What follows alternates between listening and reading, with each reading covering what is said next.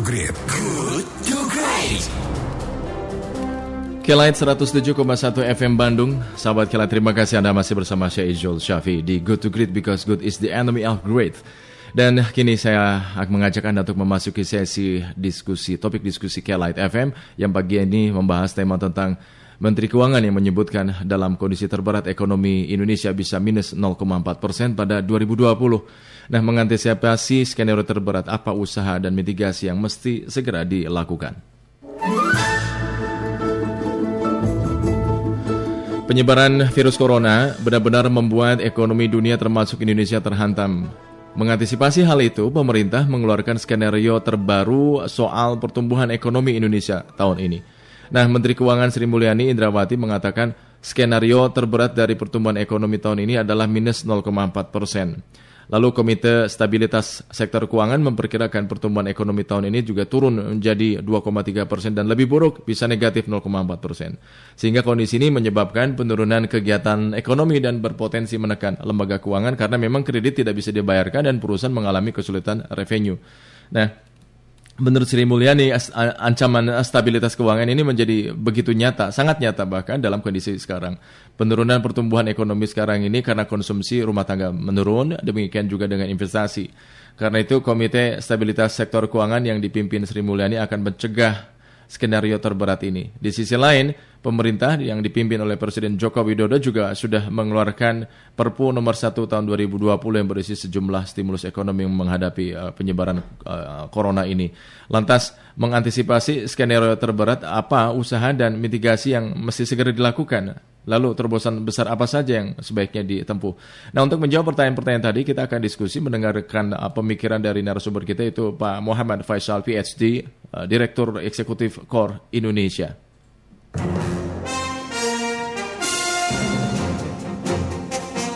Assalamualaikum warahmatullahi wabarakatuh. Selamat pagi Pak Faisal. Waalaikumsalam warahmatullahi wabarakatuh. Selamat pagi, Kang Jul dan sahabat saya lain. Yes, kabarnya bagaimana Pak Faisal?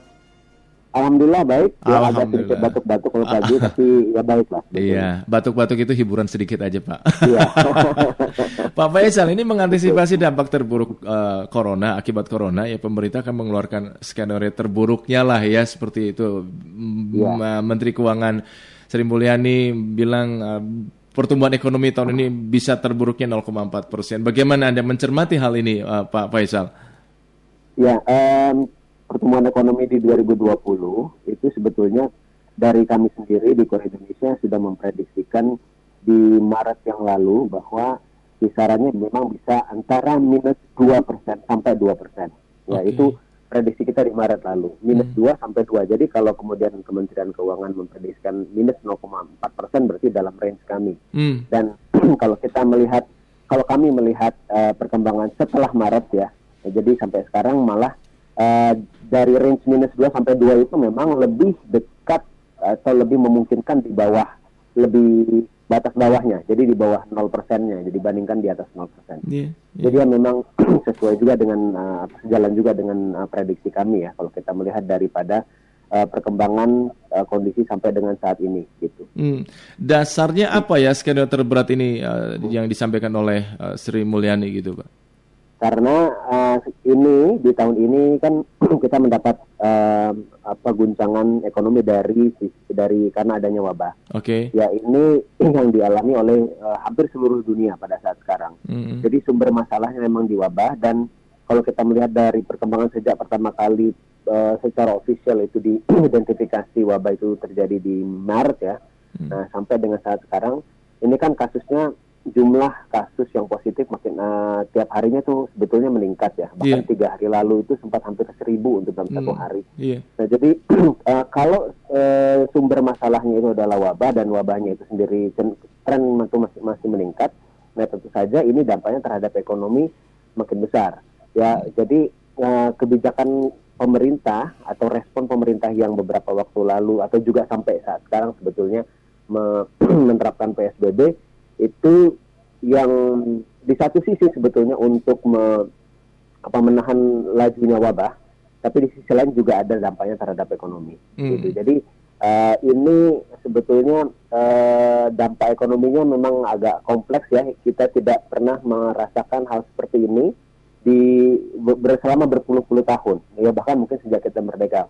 Di tahun 98 kita memang mengalami krisis, kita pernah pertumbuhannya sampai minus 13 persen tapi itu disebabkan karena alasan uh, uh, dari aspek ekonomi, khususnya dari sisi krisis keuangan moneter pada saat itu. Hmm. 2008 juga kita pernah mengalami tekanan, walaupun tidak sampai minus, pertumbuhan ekonomi kita 4% pada saat itu. Nah, tapi itu juga alasan ekonomi. Nah, sekarang dari sisi kesehatan, yeah. ya, jadi uh, ini memang agak kompleks dan kita belum berpengalaman menghadapi ini baru kali ini. Hmm. Kita sudah mendengar bahkan ada istilahnya kata new normal normal baru itu sudah tidak asing lagi di telinga kita ya. ya. Nah, ketika normal baru kita akan memasuki normal ya. baru, kemudian PSBB juga di beberapa wilayah sudah mulai dibuka, eh, kegiatan ekonomi sudah mulai uh, terlihat ya bergerak walaupun memang belum pulih gitu loh. Nah, apakah ini juga tidak banyak membantu ke depan gitu, Pak Faisal? Justru saya pikir uh, pilihan pemerintah untuk menerapkan new normal itu memang karena melihat dari kondisi kemampuan eh, dari sisi anggaran pemerintah juga dari sisi uh, bagaimana pelaku usaha dan juga masyarakat ya secara umum dalam menghadapi uh, kondisi seperti sekarang dalam menghadapi kalau di, uh, dilakukan restriksi PSBB nah ini memang dampaknya terhadap ekonomi uh, sangat besar hmm. dan juga menggurus, menggurus anggaran pemerintah. Nah itu salah satu alasan kenapa itu di kemudian di, di uh, dicoba dijalankan untuk new normal. Tapi di balik kebijakan tersebut sebetulnya resikonya kan besar. Yeah. Gitu. Jadi yang kalau new normal dijalankan dalam jangka pendek memang bisa akan mem, uh, sedikit memperbaiki kondisi ekonomi ya. Artinya dari uh, tekanan yang tadinya disebabkan karena adanya restriksi ini kemudian uh, dibuka sehingga uh, transaksi barang dan jasa, aktivitas ekonomi bisa kembali jalan walaupun tidak bisa pulih sebelum wabah. Hmm. Nah, tapi paling tidak uh, apa tren untuk kemudian mengalami kontraksi seperti yang diprediksikan oleh Kementerian minus 0,4 itu bisa dihindari hmm. dalam jangka pendek. Hmm. Tapi karena kita punya masalahnya adalah masalah wabah, yeah. nah ketika relaksasi ini di uh, relaksasi dijalankan atau restriksi ini dicabut, ini resikonya besar ya karena masalahnya wabahnya masih meningkat. Mm-hmm. Di negara-negara lain, relaksasi itu diberlakukan umumnya ketika wabahnya sudah turun, bahkan sudah sangat sedikit sekali ya, yeah. seperti di China, di Australia dan di banyak negara yang lain yang melakukan relaksasi itu ketika mereka memang wabahnya sudah sangat turun. Mm-hmm. Nah, ketika wabah ini masih dalam tren meningkat kemudian dilakukan relaksasi, resikonya besar. Jadi dalam jangka pendek dampak ekonominya mungkin bisa lebih mending ya bagi masyarakat juga dari eh, sisi penghidupan tapi dalam jangka panjang ketika nanti apa e, kalau seandainya terjadi lonjakan kasus yang sangat besar ya penyebarannya ini justru akan kembali menghantam ekonomi. Nah, hmm. itu yang saya pikir harus diantisipasi oleh pemerintah bagi mitigasi. Iya. Lalu mengantisipasi skenario terberat apa usaha dan mitigasi yang mesti segera dilakukan gitu, Pak Faisal? Yang jelas dalam kondisi sekarang tidak banyak sebetulnya yang bisa diharapkan dari apa uh, aktivitas secara normal dari konsumsi dan investasi dan ekspor impor ya. Nah, karena ini yang terjadi di dalam negeri juga mengalami tekanan, di luar negeri juga sama. Jadi umumnya adalah pada masa krisis ini adalah memang bantuan atau intervensi daripada pemerintah itu sangat besar. Hmm. Nah, jadi ini akan banyak menggerus uh, sumber daya APBN untuk melakukan uh, untuk penanggulangan wabah itu yang paling utama prioritasnya gitu ya karena sumber masalahnya ada di situ. Lalu yang kedua adalah untuk menangkal dampak ekonominya baik itu bagi pelaku usaha maupun uh, bagi masyarakat. Nah, hmm. jadi itu uh, yang yang pertama. Nah, jadi artinya masalah pembiayaan ini menjadi sangat krusial. Sementara kita dari sisi kemampuan fiskal APBN ini sangat terbatas ya. Hmm. Oleh karena itu upaya untuk mencari pembiayaan-pembiayaan yang besar tapi aman ini menjadi sangat penting. Nah, dalam uh, banyak kasus di negara lain ini tidak hanya bisa mengandalkan APBN saja karena hmm. APBN kita ini ruang manuvernya terbatas ya di otak atik juga segitu-segitu saja ruangnya. Hmm. Jadi perlu ada upaya uh, selain realokasi anggaran yang sudah dicanangkan oleh pemerintah ya kita perlu juga mencari sumber pendanaan yang lain apakah itu dalam bentuk uh, sharing burden atau uh, berbagi beban antara pemerintah dan non pemerintah swasta dan juga dengan pemerintah pusat dan daerah. Nah termasuk yang sangat krusial juga adalah intervensi atau bantuan daripada otoritas moneter karena ruang moneter itu sebetulnya sangat luas dibandingkan dengan ruang fiskal dan di negara-negara lain bank sentral itu banyak memberikan uh, bantuan ya atau memberikan intervensi yang tidak biasa dilakukan dalam kondisi normal seperti misalnya memberi membeli surat utang pemerintah untuk pembiayaan pembangunan, pembiayaan hmm. untuk uh, penanggulangan wabah. Nah, ini yang harus dimaksimalkan. Hmm. Nah, itu dalam jangka pendek itu yang bisa dilakukan. Nah, tapi yang untuk mitigasi karena ini mitigasi ya. Yeah. Uh, dalam jangka panjang kita perlu juga uh, mempersiapkan atau belajar bahwa uh, pendekatan pembangunan berarti sekarang uh, harus berubah karena kita tidak harus belajar dari kondisi sekarang jangan sampai kemudian kita di masa depan rentan untuk kembali mendapatkan krisis yang serupa yaitu krisis yang tidak hanya disebabkan oleh uh, aspek ekonomi yaitu dari aspek kesehatan dan yeah. juga aspek-aspek yang lain bisa jadi sampai ling lingkungan ya kalau ke depan ini juga sebetulnya ancamannya lumayan besar hmm Nah, oleh karena itu approach pembangunan dalam jangka panjang itu juga harus diubah gitu. Jadi tidak hanya mindset dari sisi ekonomi saja. Hmm. Dalam konteks penambahan uh, biaya ya artinya uh, apakah penambahan hutang ini bisa dijadikan salah satu alternatif uh, sementara baru-baru ini juga Bank Dunia memproyeksikan rasio utang Indonesia kan akan meningkat jadi 37 persen PDB itu Pak Faisal. Ya. Di sisi lain juga ada laporan terbaru bertajuk prospek ekonomi global tuh kalau nggak salah uh, kemarin itu Bank Dunia mengingatkan peningkatan utang akan menjadi masalah serius untuk negara berkembang dalam beberapa tahun ke depan. Nah, pertanyaannya bagaimana menurut Anda memaknai peringatan itu? Di sisi lain posisi Indonesia juga sedang sulit gitu Pak Faisal. Ya, saya sepakat karena memang uh, utang ini, pengelolaan utang ini harus sangat hati-hati. Gitu ya. Dalam banyak kasus negara-negara lain, terutama negara berkembang ya, banyak yang terjerat perekonomiannya karena masalah utang. Oleh karena itu, uh, menurut saya paling tidak ada dua hal yang harus digarisbawahi terkait dengan pembiayaan melalui utang. Yang pertama, pembiayaan melalui utang itu bukan sebagai uh, prioritas utama. Hmm. Ya, dia mestinya menjadi the last resort. Hmm. Kita mesti mencari, pemerintah mesti mencari upaya pembiayaan untuk penanggulangan wabah dan juga pembiayaan pembangunan pada umumnya itu dengan sumber-sumber di luar, di luar utang dulu dimaksimalkan.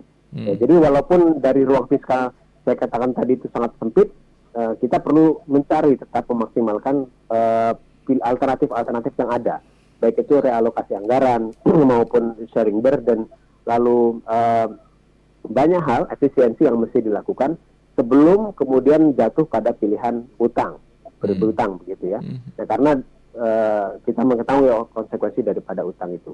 Hmm. Lalu yang kedua, kalaupun kemudian setelah memaksimalkan alternatif-alternatif lain di luar utang, kemudian memang tidak cukup dan memang pada dalam kondisi normal saja kita tidak cukup ya pembiayaan untuk uh, pembangunan, apalagi dalam kondisi wabah ya, di mana penerimaan negara pada saat sekarang ini sedang mengalami penurunan yang tajam dari sisi pertumbuhannya ya, jadi melambat sangat uh, sangat besar sekali. Hmm. Ya karena karena wabah juga. Jadi otomatis kalau kita butuh pembiayaan besar ini uh, pasti akan ada kekurangannya. Dan ini yang hmm. uh, ditambal dengan utang karena pelebaran defisit. Nah, tapi utangnya juga harus dipilih yang mana yang lebih aman. Hmm. Nah, kalau kita melihat tadi dikatakan Indonesia uh, tingkat utangnya 37% terhadap total GDP. Nah, kita uh, kalau melihat negara-negara lain, ya baik Thailand maupun Jepang atau yang lain negara-negara di sekitar kita itu banyak yang tingkat utangnya jauh lebih besar ya terhadap GDP ya, dari indikator hmm. itu bahkan negara maju itu besar sekali di atas hmm. 100% terhadap GDP tapi mereka lebih aman ya karena utangnya bukan utang luar negeri, mayoritas bukan utang luar negeri. Hmm. Jadi memaksimalkan sumber pembiayaan dari utang di dalam negeri. Okay. Seperti Jepang misalnya itu 200% utangnya terhadap total GDP, tapi mayoritas hampir semuanya dari 200% itu dari dalam negeri. itu lebih aman dibandingkan utang luar negeri yang berdominasi dolar karena lebih rentan terhadap external shock, lebih rentan terhadap uh, pergolakan nilai tukar, yeah. ya dan itu yang semestinya harus menjadi prioritas sekarang. Hmm. Makanya yang saya katakan tadi, kalau kemudian kita harus uh, pemerintah membutuhkan tambahan pembiayaan melalui pelebaran defisit, yang artinya memang harus ada tambahan utang, hmm. nah dimaksimalkan utang dari dalam negeri, termasuk salah satunya yang saya sebutkan tadi adalah bagaimana supaya intervensi BI atau bank sentral itu yang membeli surat utang pemerintah. Apakah Jadi terobosan apakah terobosan itu sudah pemerintah sudah mulai mengalah ke terbo, mengarah ke sana ke terobosan itu? Sudah mulai mengarah ke sana di Perpu itu sudah ada perubahan ya yang dalam kondisi normal BI tidak boleh membeli surat utang di uh, di pasar perdana. Hmm. Jadi hanya di pasar sekunder. Nah, sekarang sudah diperbolehkan untuk membeli langsung di pasar perdana. Nah, hanya saja dari sisi urutan prioritasnya ini yang masih belum dijalankan saya pikir karena pembiayaan utangnya masih di apa di dijalankan bicara dengan di ke hal ke sumber-sumber yang lain selain dari BI. Jadi BI itu hanya sebagai apa penjaga gawang atau the last resort malah gitu. Padahal hmm. mestinya yang diutamakan yang saya katakan tadi adalah pembiayaan dari dalam negeri yang paling memungkinkan. Hmm. Jadi mestinya prioritasnya justru adalah dari uh, intervensi BI yang lebih aman gitu daripada kemudian mencari utang di luar negeri misalnya hmm. dengan menerbitkan global bond yang dari sisi uh, apa risikonya lebih besar hmm, gitu ya baik. terhadap ekonomi. Baik, Pak Faisal terima kasih atas perbincangan ya. kita pagi ini menambah referensi tentu saja itu kami mendengarkan Sama-sama, pagi ini. Kang Jul. Selamat pagi, tetap sehat, tetap produktif Pak Selamat Faisal. Pagi. Assalamualaikum Amin. Ya, wabarakatuh. Ya demikian sahabat kalian Muhammad Faisal PSD, Direktur Eksekutif Core Indonesia.